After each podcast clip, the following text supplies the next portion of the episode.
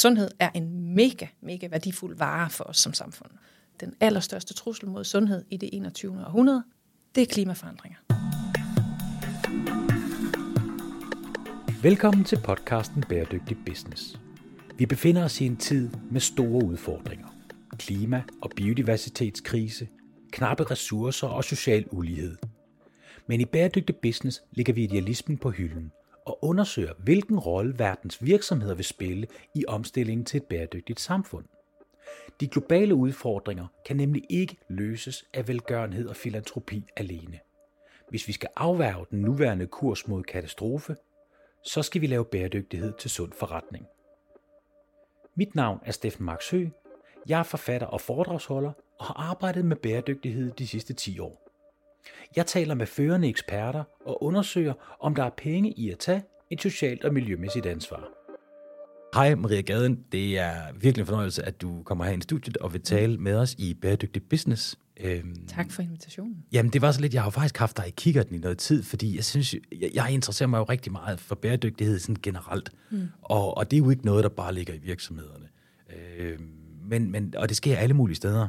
Og, og jeg har i en lang periode så interesseret jeg mig ret meget for det der med bæredygtighed i de der virksomheder, hvor det ikke er oplagt. Ja. Altså for eksempel i revisionsselskabet. Hvordan arbejder de med det? Mm. Og det er der mange, der sidder derude og tænker, hvordan gør man det? Og hvis man ved lidt om det, så kan man jo godt se, hvordan, man, at, at, hvordan de også kan bidrage. Mm. Og hospitaler, det er jo et sjovt sted, fordi det er jo sådan et, nærmest sådan et økosystem, en nærmest en lille verden i sig selv, hvor mm. alting skal købes ind på en bestemt måde, de skal leve op til en masse krav. Og der synes jeg bare, det var interessant at tale med dig omkring det. Så vil du ikke prøve at fortælle lidt om, først lige dig selv, mm. og så lidt omkring det her øh, arbejde, du laver på med, øh, med bæredygtige hospitaler. Jo, jeg er leder af Center for Bæredygtige Hospitaler i dag. Og det har jeg været siden, at vi etablerede det i januar 2021. Og centret dækker hele Region Midtjylland, alle de enheder, der er der. Øh, faktisk også administrationsbygningerne osv. Det vi er sat i verden for, det er at understøtte enhederne i omstilling til cirkulær økonomi. Så det er det, vi har fokus på. Bæredygtighed er et vidt begreb. Det, det kan man også se ud fra øh, emnerne i din podcast alene. Ikke? Jo. Øh, men, men det viser det i verden, for det er den her omstilling til cirkulær økonomi, altså scope 3, fordi det er det, der er hospitalernes og sundhedsvæsenet i det hele taget allerstørste problem. Det kan være, at vi vender tilbage til Jamen, det. det kommer vi helt sikkert tilbage ja. til, men, men det, er, det, det er virkelig well put, fordi at I har jo lavet en hjemmeside, hvor der står det her vores bæredygtighed.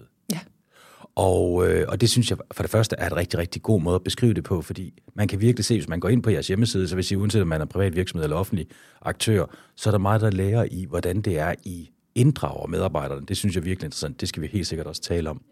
Men, men det der med bæredygtighed er et meget bredt øh, begreb, og det er virkelig mange steder, man kan sætte ind, og man kan jo se, at alle de cases, I har beskrevet derinde, og det er jo både fra biodiversitet til klima, så til at starte med, altså, hvordan får man overblik over, hvor man starter hen i så stor en organisation som, øh, som hospitalsektoren i, i Midtjylland?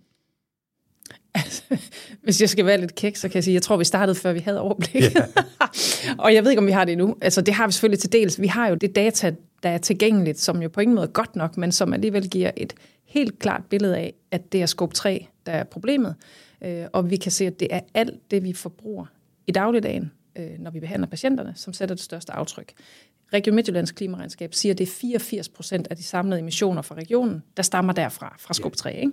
Jo, og skub 3 til de fleste, der lytter med bæredygtig business, har sådan et ved noget mere om bæredygtighed end, end den gennemsnitlige forbruger, men skub 3 er jo alt det, man køber, værdikæden øh, blandt andet.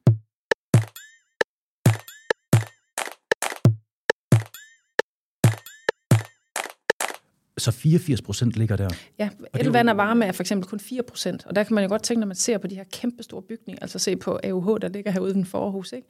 der er jo døgnåben. Lyset er altid tændt. Og der bliver jo virkelig vasket og renset og scanner og alt muligt andet, så man kunne godt tænke, at det var det var det, der var det største problem. Ja. Jeg siger ikke, at det er en ubetydelig mængde, vi forbruger der, for det er bestemt værd at blive ved med at kigge på. Det har man jo gjort i, i mange år heldigvis, og det er vi gode til i Danmark. Øhm, men det er nyt som for så mange andre store organisationer, er det nyt for hospitalerne og for sundhedsvæsenet i det hele taget, at så meget øh, CO2 øh, og jo også kemisk påvirkning osv., ja. øh, miljødelen er jo virkelig vigtig her også, ikke? Øh, stammer fra alt det, vi går og forbruger, når vi i virkeligheden forsøger at prøve noget godt. Og det er utroligt spændende, fordi jeg tror, du har ret i, at der er mange, der tænker, jamen altså, det handler jo meget om det der med, at vi skal skifte fra sort energi til grøn energi. Mm. Og så er man jo meget i skub 1 og 2, ikke? Det handler om, at primært ens biler, de skal overkøre på noget el, og, og dit el og dit varme skal overkøre på, på en, en grøn mulighed. Men, men rigtig meget ligger der i skub 3 med de ting, vi køber. Og det er jo, øh, så, så det er jo en rigtig, rigtig stor rejse. Hvordan, altså, hvordan gik I i gang med det? Jeg kan se, at der er flere, der arbejder med cirkulær økonomi, der sådan er specialiseret inden for det i dit, øh, i dit team omkring cirkulær økonomi. Men hvordan gik I til opgaven? Fordi når man kigger på jeres hjemmeside, kan man jo virkelig se, at der er mange steder, jeg vil ind og kigge på. I en track på scanner, hvor meget energi er det, de bruger, når man tænder dem, og når man slukker dem, om det giver mening, at de kommer på pause, og I arbejder med madspil, I arbejder rigtig mange steder. Prøv at forklare os lidt om, hvordan I kom i gang, og hvordan I er nået hertil. Jamen, så, så griber jeg bolden og snakker lidt om mig selv. Ja. om mig selv. øh, fordi for ikke ret mange år siden, der var det ikke noget, man snakkede om i sundhedsvæsenet. Altså, vi har jo vores egen brændende platform, som er øh, de tilstand, patienterne nu er i, som vi skal gøre noget ved. Øh, og det fylder så meget, at i mange år, hvor den grønne bølge ellers rejste sig i samfundet, der lå vi sådan lidt øh, i dvale, hvad det angik. Ja, fordi I forvejen håndterede en meget central opgave med at redde folks liv, så derfor kunne I vel ligge lidt i skyggen af det, om man kan sige. Ja, altså man kan sige, at den bæredygtige omstilling og den, den motivation, som mange borgere har for at bidrage til den, den kommer ud fra det her værdibaserede ønske om virkelig at gøre noget godt. Altså vi gerne vil bidrage til at gøre en positiv forskel i samfundet. Jeg kan også godt forestille mig, at befolkningen kunne tænke, jamen ved du hvad, lad os, de er ikke, det er ikke centralt, at de fokuserer på det. De skal redde vores liv, de når har vi syge. Noget andet. Det er rigeligt. Ja. Men tilbage til øh, historien, han har sagt, så øh, jeg var jordmor på det tidspunkt. Jeg har en baggrund som jordmor, øh, og har næsten 10 års erfaring fra klinikken. Og da den her bølge rejste sig ud i samfundet, så var der også noget inden i mig, der på et eller andet tidspunkt begyndte at tænke, der er et eller andet galt her.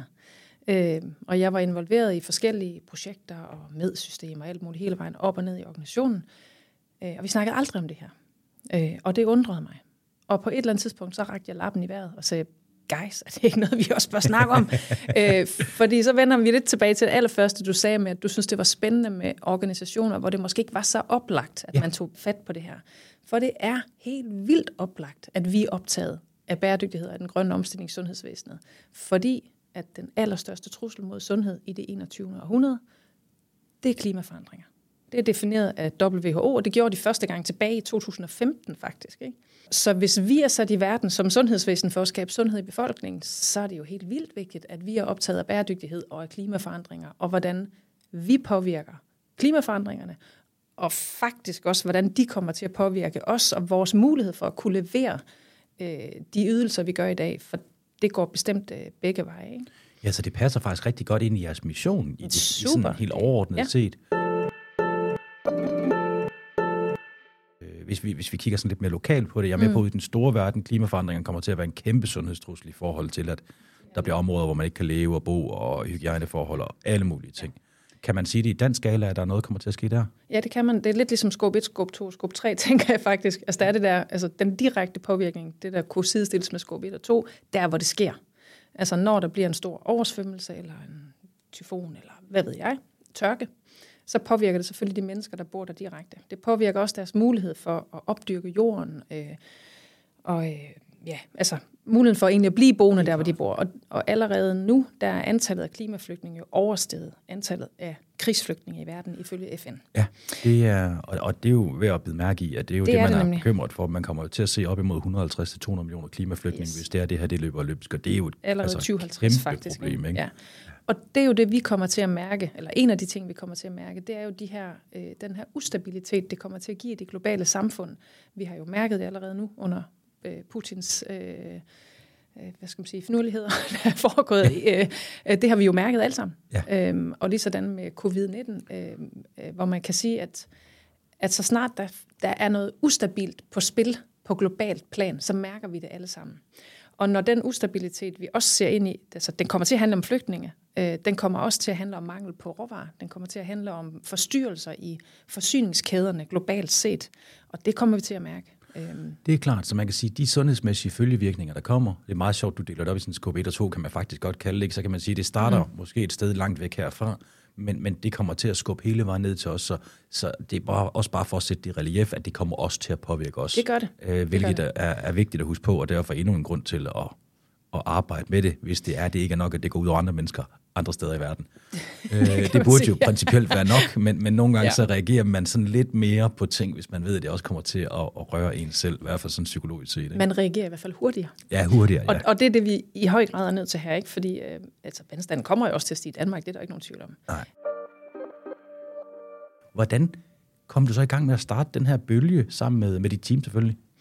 Jamen, øh, der var en, øh, en ledelse, en hospitalsledelse øh, på det hospital, jeg var på i Randers, som lyttede, øh, og som lod mig løbe afsted med nogle forskellige projekter. Og så opdagede jeg jo, da de her øh, ringe begyndte at sprede sig i vandet, at der selvfølgelig var mange andre, der var optaget af det her også, øh, ud over mig. Øh, og der var gang i et spændende projekt på det tidspunkt, øh, der hed Materialestrømsprojektet, faktisk ud på AUH. Øh, der var ikke så mange, der vidste det, men kæmpestort projekt, øh, der foregik, øh, øh, som handlede om plastkortlægning inden for hospitalsverdenen. Og, øh, og vi var ligesom sådan en flok, som var de første, der sådan for alvor tog fat på det her. Og så blev jeg frikøbt på et tidspunkt, og blev ansat i det, der hedder regional udvikling i regionen. Øh, og fik til opgave at forsøge at finde ud af, hvordan vi mobiliserede vores organisation. Øh, og på det tidspunkt, der havde vi lige fået det første klimaregnskab, som viste det her med scope 3. Så det var tydeligt, hvor belastningen ligger. Det var tydeligt, hvor belastningen lå, og det var tydeligt, at hvis vi skal ændre forbruget i klinikken, så et sted at sætte ind, det er selvfølgelig indkøbsområdet. Et andet sted, det er jo måden, vi forbruger på. Altså den adfærd, der er, øh, der hvor efterspørgselen til indkøbene i virkeligheden kommer fra. Ja, og er det ikke særligt noget her med hospitaler? Fordi I kan jo ikke bare lige gå ned i Netto og købe nogle produkter og så bruge det. I skal vel altid have produkter, der er ekstra sterile. Og, altså er der ikke nogen særlige forhold til alting, der skal ind på hospitaler? Det er der i hvert fald, når I køber møbler, ved jeg. Ja, ja. det er lige meget, hvad vi køber, så er der helt sikkert, Ja. der er altid hygiejne-issue, og, øh, øh, og det skal der være. Ja, og kommer det ikke til at bidrage til, at I faktisk har et større materialeforbrug end, end nødvendigvis? Øh, jo, og også en nødvendigvis. Men, altså, og det er jo det, det handler om. Øh, fordi det vi, det, vi gjorde dengang, øh, det var at samle et netværk. Vi fik lov til at åbne et netværk og sige, "Mm, alle dem, der har lyst, der er 30.000 ansatte, er der nogen, der brænder for bæredygtighed, som har gået og tænkt på det de sidste år, som har idéer til, hvordan vi kan sænke vores forbrug, så kom. Øh, og der kom 100 den første gang, vi holdt et møde, hvilket er meget øh, i, i sådan en organisation som vores. Der var ikke nogen mødepligt. Altså, det var jo, og det var en smuk blandet landhandel af klinikere og ledere og, og så videre. Og det netværk har vi fortsat. Men det er en af de måder, vi har, vi har grebet det her an på. Øh, faktisk gik jeg ud og lavede en undersøgelse øh, og interviewede ledere og medarbejdere mange forskellige steder i organisationen og spurgte dem, hvad, hvad er bæredygtighed for dig? Og hvad tænker du om det øh, her i vores organisation? Og de fleste, nej, det passer faktisk ikke. Alle svarede, det betyder noget for mig, og jeg tænker på det. Øh, og så svarede rigtig mange nogle konkrete ting, de egentlig havde tænkt på, de måske kunne gøre, men de havde ikke handlet på det, fordi de manglede en fornemmelse af, at det var noget, vi som organisation var optaget af. Det var den ene ting, der bremsede dem. Og den anden, øh, det var en viden om, om det også kunne betale sig. Altså, er det så det rigtige, jeg tænker at gøre? Ah. Giver det mening at lægge de her kræfter i lige præcis den her indsats? Fordi det andet arbejde, man laver, også er meget vigtigt. Ja, fordi man, man, øh, det var sådan noget med engangs- og flergangsting, eller et eller andet. Ikke? Og så, så ved man ikke helt, om vi bruger også noget vand og noget sæbe herover jo, og strøm, og er det så overhovedet en god idé, eller hvad med? Ah, så det var sådan mere mangel på viden til at tage den rigtige beslutning i forhold de til det. manglede simpelthen kvalificeret viden ja. omkring, hvad der var det bæredygtige valg, for at de kunne omsætte deres motivation til handling. Og så manglede de selvfølgelig ressourcer. Så, så med det i baghånden, så startede vi det her netværk for at skabe et socialt rum og en synlighed omkring det her. Det er noget, vi vil i regionen. Øhm, og også øh, et sted, hvor man kan få kvalificeret sin viden. Og så lavede vi noget mikrofinansiering, øh, så man som afdeling kunne søge nogle altså, relativt små beløb, men for dem øh, betydelige øh, beløb, så man kunne frikøbe nogle medarbejdere til ligesom at løbe afsted med de her idéer. Og det er alt det, du kan læse ind på vores bæredygtighed.dk. Det er de der små mikrofinansieringsprojekter, og også dem, som, som voksede sig til nogle større regionale testlabs på tværs af flere enheder, og alt det andet, der så har fulgt efter, efterhånden som vi er blevet klogere og har fået flere midler og penge sat af til det. Det er virkelig en, en meget, meget interessant approach. Altså, det, det er jo fuldstændig, efter min mening, den rigtige måde at gribe det an på, at man sørger for at tage hele organisationen med. Selvfølgelig samle den viden, der er i organisationen omkring det her, og bruge det aktivt. Altså, det er jo den måde, man skaber engagement og motivation, så det ikke bliver sådan en top-down ting. Men, men så, hvis jeg lige må Ja, endelig. det, så får jeg bare lyst til at tilføje, at det kan jo aldrig stå alene. Og det kan vi jo, det ser vi også meget tydeligt, at i så stor en organisation, øh, der er det virkelig vigtigt at støtte op om den her bottom-up øh, energi, som det jo er, og den, den faglige viden, men vi skal også have ledelse på det her. Vi skal Det- også have struktur, der skal tages nogle store beslutninger. Så samtidig med det er der blevet vedtaget en bæredygtighedsstrategi, øh, politisk i regionen med nogle meget ambitiøse målsætninger, og vi var de første, der satte øh, kvantitative mål på scope 3, selvom det er helt umuligt at måle på. øh, og, og, øh, og vi har været ved, øh, og er stadigvæk, arbejder stadigvæk med det, at få opbygget en rigtig governance-struktur. Hvordan er det, vi hurtigt nok og effektivt nok, når vi så har noget viden i de her projekter og analyser, der bliver lavet, hvordan er det, vi hurtigt nok får det omsat til faktiske øh, omstillinger i forbruget på hospitalerne? Øh. Ja, og, det er svært. Og jeg er helt, jeg er helt enig i, både det er svært, og i øvrigt også, at, at selvfølgelig skal ledelsen ind over, det er klart. Jeg tænker også noget, der er meget interessant i så stor en organisation, når man har lavet det her meget fint bottom-up arbejde, øh, hvor man i bund og grund har identificeret diverse ildsjæle i organisationen, som gerne vil være en del af det. Det er, at der er jo også en rigtig fin rollemodelseffekt i det her med, at man ikke med ildsjæle nødvendigvis, men alle de her projekter, de viser jo vejen frem for mange af medarbejderne, som kan se nogle konkrete ting, som, som man rent faktisk lykkes med at gøre inden for den her agenda. Og det tror jeg også har en sekundær gevinst i, at man så kan gå hjem, og så kan man fortælle, jamen vi har lige gjort det her og det her, fordi samtalen om bæredygtighed, oplever jeg, er flere og flere steder. Mm. Altså tænker du hjemme i det private? Ja, jeg tænker ja, faktisk ja, hjemme i det private, at det med, at man også kan kommunikere tingene videre, fordi igen det der med, at der er også en, sådan en, en marketingsperspektiv i, at laver man nogle fede indsatser, som folk synes, det her det er meningsfuldt, det giver mening, at så går man altså også ud og fortæller det andre steder, fordi man er ofte i dialog omkring bæredygtighed, nogen mere end andre givetvis, men det der med, at man har nogle konkrete eksempler, og så tror jeg også, der er et trivselsperspektiv i det, at man kan se, men det kan godt være, at det ikke er lige mig, der løber med bolden her, men nogen fra mit team, nogen fra min arbejdsplads, de løber med det, vi er i gang med den her transformation. Og man kan vel også inspirere dem til, og, altså medarbejderne på hospitalerne til at gøre nogle ting i deres private. Så jeg tror egentlig, så stor en organisation, når de arbejder med det, det har en masse positive følgevirkninger. Helt sikkert. Som vi aldrig vil kunne måle på, men, men som jeg også er sikker på er der. Øh, der bliver lavet sådan en undersøgelse hvert år øh, af, hvad for nogle øh, professioner danskerne har mest tillid til. Ja jordmøderne, de er jo nummer et. Ja. det har de så er det år. advokater og politikere bagefter, går jeg ud øh, fra. tæt på. Øh, læger og sygeplejersker faktisk. Ja. ja og så lidt ned, der kommer fysioterapeut og ergoterapeut, alt muligt. Altså, de sundhedsfaglige øh, professioner, de fylder rigtig meget og på top det kan vi være stolte af. Det kan vi være stolte af, og samtidig så følger der selvfølgelig et ansvar med. Fordi sundhedsvæsenet er jo en samfundsinstitution, som befolkningen åbenbart har meget stor tillid til. Så de valg, vi træffer, vil blive forbundet øh, med noget. Altså, dem har man tillid til, ikke? Ja. Og vil blive forbundet med at være de rigtige valg på en eller anden ja, måde. det tror du ret i. Øh, så derfor tænker jeg, vi har en forpligtelse til at gå forrest. Eller der var endnu en forpligtelse, ud over de indirekte og direkte effekter på sundhed og alt muligt andet, ikke? Øh, så, så har vi en forpligtelse til at vise vejen og være inspirerende i forhold til de, de bæredygtige valg. Det synes jeg virkelig er en, er en rigtig, rigtig stærk pointe.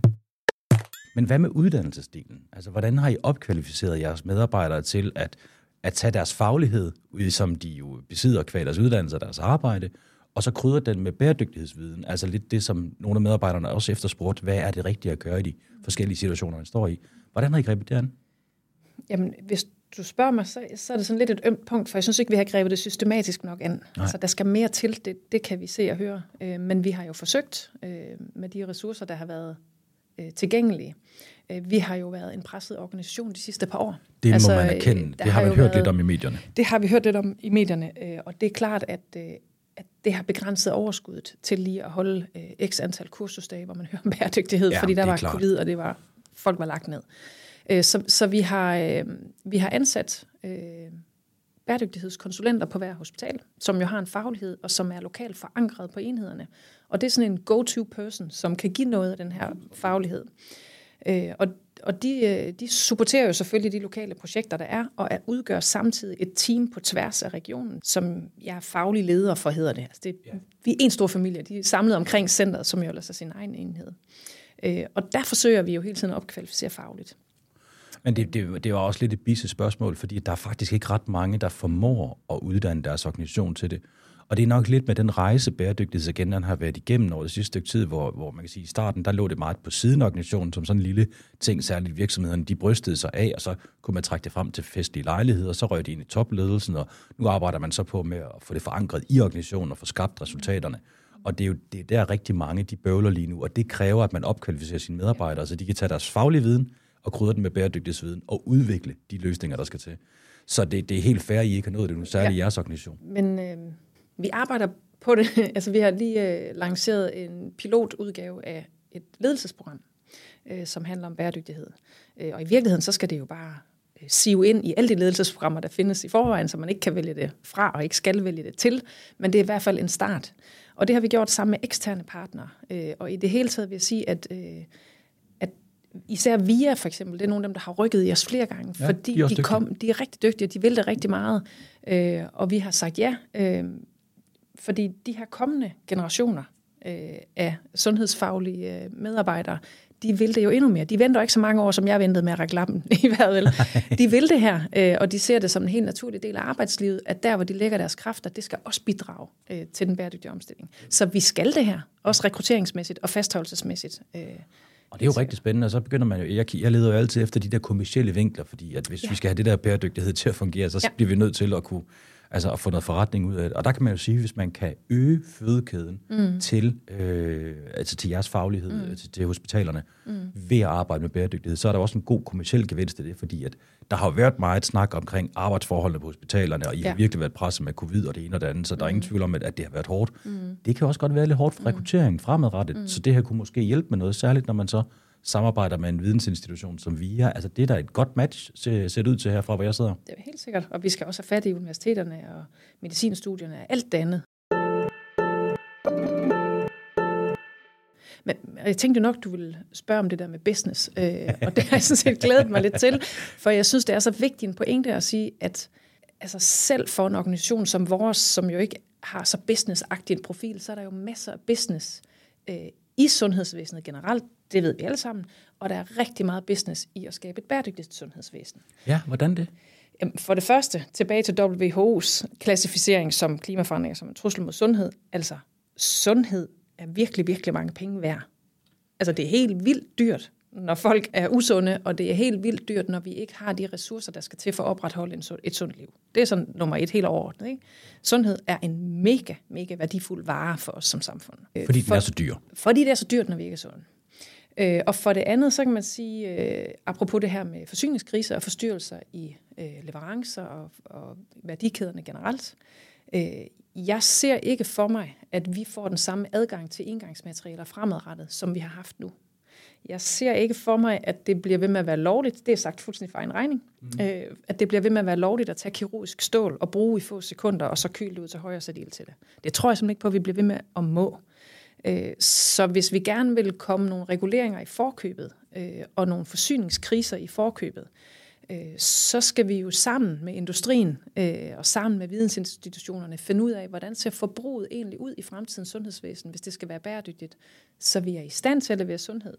Øh, og det ligger der nogle nye spændende forretningsmuligheder og forretningsmodeller i, tænker jeg, i forhold til, hvordan vi, vi køber og forbruger i dag. Ja, så man kan sige, at I arbejder jo i høj grad præventivt for at undgå, at der er flere folk, der bliver syge i fremtiden ved at begrænse klimaforandringerne. Men I sikrer også, forsy- eller arbejder også med jeres forsyningssikkerhed ved og gør jer mindre afhængig af materialer, som potentielt kan gå hen og blive øh, meget dyrere, eller måske endda ulovligt at bruge på den måde, at man bruger det så kort tid, som vi jo eksempelvis har set med engangsplastik i, i Europa. For eksempel, ja. Hvad med sådan hardcore besparelser i forhold til det? Altså fordi, er det muligt, når man går ind og laver de her initiativer, kan man finde nogle besparelser igennem arbejde med bæredygtighed? Altså på den korte bane, fordi på lang sigt, så kan vi alle sammen se, at det her det er jo den, det eneste rigtige. Det kommer til at kunne betale sig, ja. Ja, øh, ja det kan man godt. Øh, man kan selvfølgelig også se et behov for nogle initielle investeringer for at kunne lave den omstilling. Ikke? Altså, hvordan skifter vi tilbage til flergangsudstyr, for eksempel? Ja. Øh, det er klart, at det kræver øh, nogle mandetimer her nu, og, øh, og, at finde måderne at, at lave det skifte på, og det kræver selvfølgelig også nogle, muligvis nogle materielle investeringer til at starte med. Øh, men vi ser jo også besparelser de steder, hvor vi opdager, at vi overforbruger, for eksempel. Øh, et godt eksempel, som, øh, som folk kan relatere sig til, det er det her legepapir, som vi alle sammen har prøvet at ligge på, når man skal op på en briks. Nå, det der man trækker ud over. Ja, så trækker yes. lægen eller sygeplejersken eller jordmoren det shht, ud over arket, så lægger man sig op på det, så knækker det nogle gange sådan lidt på midten. Ja. Det er sådan behøver den ikke på i virkeligheden. ja, det jo. Men, men det er jo papir, der er plastik typisk på den anden side. Øh, så det kan ikke genanvendes. Øhm, og der har vi et af de pilotforsøg, der kørte, de der mikrofinansieringsprojekter, øh, kigget på, jamen behøver man egentlig det? I det omfang, som vi bruger det i dag i hvert fald. Øh, og der skal kigges mange ting igennem i forhold til hygiejne og retningslinjer og alle mulige forskellige ting og sager. Det er komplekst forbruget i sundhedsvæsenet, som vi har været inde på. Øh, men svaret var, øh, konklusionen blev, at vi bruger det for meget. Altså, vi behøver ikke bruge det. Hvis, hvis, øh, hvis jeg var jordmor, og du var gravid, eller læge, eller noget omvendt, øh, så kan vi sige, at vi vil starte med at sætte os ved bordet, som vi sidder og taler sammen nu, hvor du sidder på stolen øh, fuldt påklædt, og der er jo ikke noget papir på. Hvis nu jeg skulle øh, undersøge dit knæ, eller et eller andet, ikke? så vil du lægge det op på briksen, og så vil jeg skynde mig at trække det her øh, papir med plastik på bagsiden ud først, hvor af en eller anden mærkelig grund, så er det farligere, at dit tøj rører briksen, end at det rører den stol, du sidder på. Der kommer også en patient efter dig. Så, så der er sådan nogle ting, hvor man kan sige, hmm, hvis vi lige stopper op og tænker os om, så er der i hvert fald de der, vi kan kalde dem lavt hængende frugter. Vi oplever altså, at de kan sidde ret godt fast på grenene. Der skal meget til at få lov at plukke dem øh, med god grund, men de er der. Øh, så, så der er flere steder, hvor man kan sige, at der kan vi jo spare nogle materialer, og selvfølgelig også nogle penge ved at stoppe op. Men det er jo, nu rammer du jo et ømt sted. Jeg har lige fået en efternøler. Åh oh ja, okay, tillykke så med det. jeg har en på 14, en på 16 og en på 8 måneder. Og, øh, og vi, vi sover ikke meget om natten. Altså, det er jo min kone, der virkelig tager, tager tæskene der om natten. Hun er, altså, jeg har åbenbart, jeg er åbenbart ikke så god til det der om natten, men jeg er god til at stoppe tidligt, så jeg gør mit der. Så jeg kan huske det der papir adskillige gange, når man har været derinde. Men, men det er en anden snak. Men jeg mener, det der er interessant her, det er jo, at det er jo så mange små handlinger, der skal foretages alle mulige steder i sådan en organisation. Og altså, har vi overhovedet kapacitet ind i vores hoved til at forholde os til alle de her bitte, bitte, bitte, bitte små ting? Altså, tror du ikke, man løber simpelthen træt for alle de her små ting, der skal håndteres? Og er det ikke noget med, at man skal have en sådan overordnet strategi for at sætte ind der, hvor det virkelig batter? Helt sikkert. Vi, vi skal begge dele. Øh, altså, nu ved jeg, du har haft Thomas ind øh, vågemod. Ja, ja. Øh, og det er jo lige præcis det her med adfærdsændringer, at vi kan jo ikke bede dem om at ændre på 20 forskellige produktkategorier på én gang, og tænke sig om i alle ledere kanter. Det bliver for meget. Det bliver for meget, og så sker der ingenting.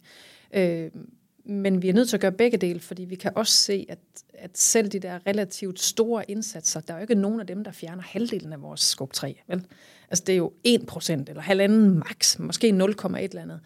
Øh, så der skal jo rigtig mange øh, både små bække og floder til, øh, han har sagt, øh, at, at gøre det helt store, øh, at tage det helt store træk. Ja. Øhm, så vi skal begge dele, øh, og vi skal tænke os rigtig godt om i forhold til, hvordan vi kommunikerer det, i forhold til, hvordan vi prioriterer det, øh, for at, øh, at det bliver indarbejdet i dagligdagen.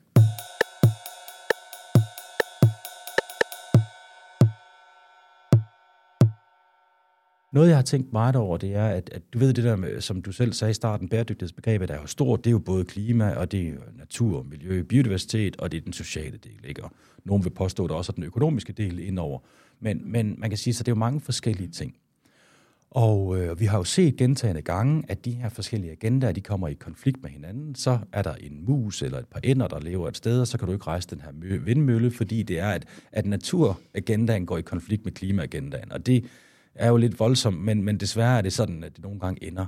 Hvordan gør I på et hospital, når I har så vigtigt et formål, altså at redde folks liv, samtidig med, at I arbejder med, med hele bæredygtighedsagendaen også? Altså, for jer er det jo nok nemt at tage prioriteten. Hvis det er noget af det her går ud over folkesundheden, så gør man det ikke. Men, men hvordan går man ind og arbejder med det? For I skal vel hele tiden overveje, om den her indsats, I har tænkt jer at gøre, der er god for klima eller miljø, hvis den kan påvirke mennesker, jamen så skal man måske ikke gøre det. Altså er der ikke en afvejning der, I skal forholde jer til? Jo, helt sikkert. Øhm, altså lige nu er klima- og miljøpåvirkningen øh, jo slet ikke en del af kvalitetsparametrene øh, i sundhedsvæsenet. Vi er jo enige om, som du siger, at det er økonomi faktisk. Når man skal vælge mellem to behandlingsformer og prioritere i sundhedsvæsenet generelt, så kigger sundhedsøkonomerne og de sundhedsfaglige jo faktisk også på pengene. Men man kigger ikke på klima- og miljøpåvirkningen endnu. Det vil jeg faktisk mene, man skulle til.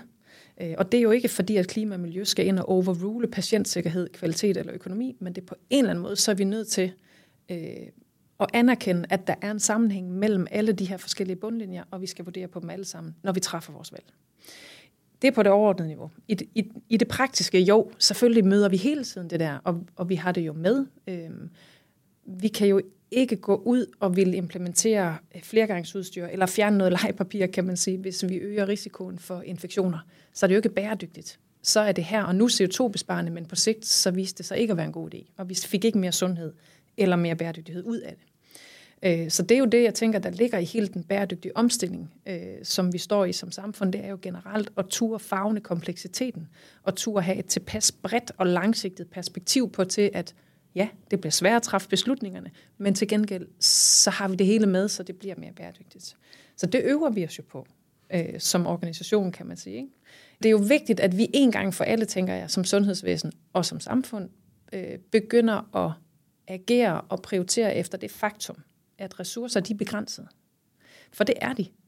Og vi ser det lige nu i sundhedsvæsenet i forhold til personalressourcerne, som du var inde på før, at der har man jo i mange år, har der jo været sådan pippen, eller man kunne faktisk også godt sige råben om, at hey, I forbruger mere energi eller mere overskud af jeres personale, end der egentlig er til i jagten på enten øh, kortere behandlingstid og kvalitet, penge og hvad det ellers har handlet om. Øh, man har ligesom ikke øh, på en eller anden måde taget det alvorligt nok. Det har ikke været bæredygtigt. Det har jo ikke været bæredygtigt, og det har vi egentlig godt vidst. Vi har forbrugt mere af de ressourcer, på de menneskelige ressourcer, end der egentlig var til. Og nu ser vi konsekvensen. Vi mangler personale. Øh, og det er de ubesatte stillinger, der er på operationsafsnittet øh, her øh, ude på EUH For eksempel, det handler jo ikke om, at der i virkeligheden ikke er penge i budgettet til det, der er normeret. Det handler om, at der ikke er nogen, der søger jobsene. Øh, folk de frafalder. Så vi kan jo stå om ekstra antal år med penge i hånden, og så kan vi vifte. Øh, men hvis ikke der er mere øh, kirurgisk stål, eller mere øh, virgint øh, plastmateriale tilbage, eller hvad ved jeg, ikke? så kan vi have nok så mange penge, men ressourcerne er begrænset, og vi kommer formentlig ikke til at have den samme adgang til ressourcer, som vi har i dag. I dag er det, har det jo været et spørgsmål, om vi har haft penge til at købe det, så kunne vi få det. Bum. Det kommer nok til at ændre sig, ligesom det har ændret sig med personaleressourcerne. Ikke? Ja. Så, så vi er nødt til at tænke, ressourcer, de er begrænset, så vi skal bruge dem klogt. Ja, både de fysiske ressourcer og de menneskelige ressourcer. Det er ja, ikke lige en præcis. udtømmelig kilde. Det er, det er vigtigt at blive mærke i for enhver organisation. Ja. Det er jo også interessant at tænke på, at når man er, trods alt er et, et, et hospital, den størrelse, man har, altså der er jo noget indkøbsvolumen i. Mm. Så det vil sige, at, at man kan også presse lidt på, forestiller jeg mig, med den størrelse med de indkøb, øh, som, som I køber. Mm. Hvordan, øh, altså kan I tænke det her ind i de bæredygtige indkøb, når I laver, altså det, det gør I jo givetvis, men mm. hvordan er jeres approach til det? Jamen, vi har en indkøbsafdeling. Der sidder jeg ikke, øh, så min viden er begrænset. Øh, og de arbejder jo hårdt på den grønne agenda, og har lige vedtaget en ny øh, strategi, øh, hvor det faktisk er blevet ben på lige fod øh, med andre parametre, som er økonomi og kvalitet og forsyningssikkerhed, hvis ikke jeg husker helt forkert. Mm. Øhm, og det gør man jo fordi alle regioner, øh, og, øh, og samarbejder også på tværs. Øh, for selvfølgelig kan vi stille krav. Øh, det, der er vigtigt at huske på, det er, at Danmark er et meget, meget lille land. Øh, Region Midtjylland er fuldstændig ligegyldig for de her kæmpe store globale virksomheder. De kommer ikke til at omlægge deres produktionslinje et eller andet sted i, øh, i Pakistan, fordi vi siger det. Så, så, øh, så en vigtig pointe øh, i hele den her snak om omstilling af sundhedsvæsenet er bestemt det globale perspektiv, når vi snakker business-delen af det. Hvis vi omstiller hele sundhedsvæsenet i Danmark, så stiger vandstanden altså fortsat globalt set, og temperaturen. Så stor impact har vi ikke, men hvis vi formår at lave øh, en eksportvare ud af det, altså at, at skalere de her løsninger og vores måde at forbruge på, så kommer vi jo til at have et meget større impact, som vil påvirke sundheden positivt. Det er jo virkelig spændende. Og det er der business i, ikke? Det er der super meget business i, og Mm. sindssygt spændende, hvis man kunne forestille sig, at man kunne lave et hospital, hvor det er, at man kan se, jamen altså for de samme penge skaber man lige så meget trivsel, lige så meget sundhed for, for borgerne, men man har et markant lavere klima- og miljøbelastning. Så begynder man at få en eksportvare. Det er der jo mange, der ikke tænker over. Altså.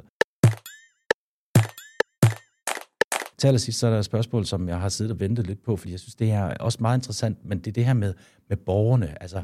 Men patienterne og de pårørende, der kommer ud på hospitalet, hvad har de sagt om den her bæredygtighedsindsats? Er det noget, de overhovedet kan se, arbejder I på, at de også kan se den indsats, I har lavet? Og hvad siger de?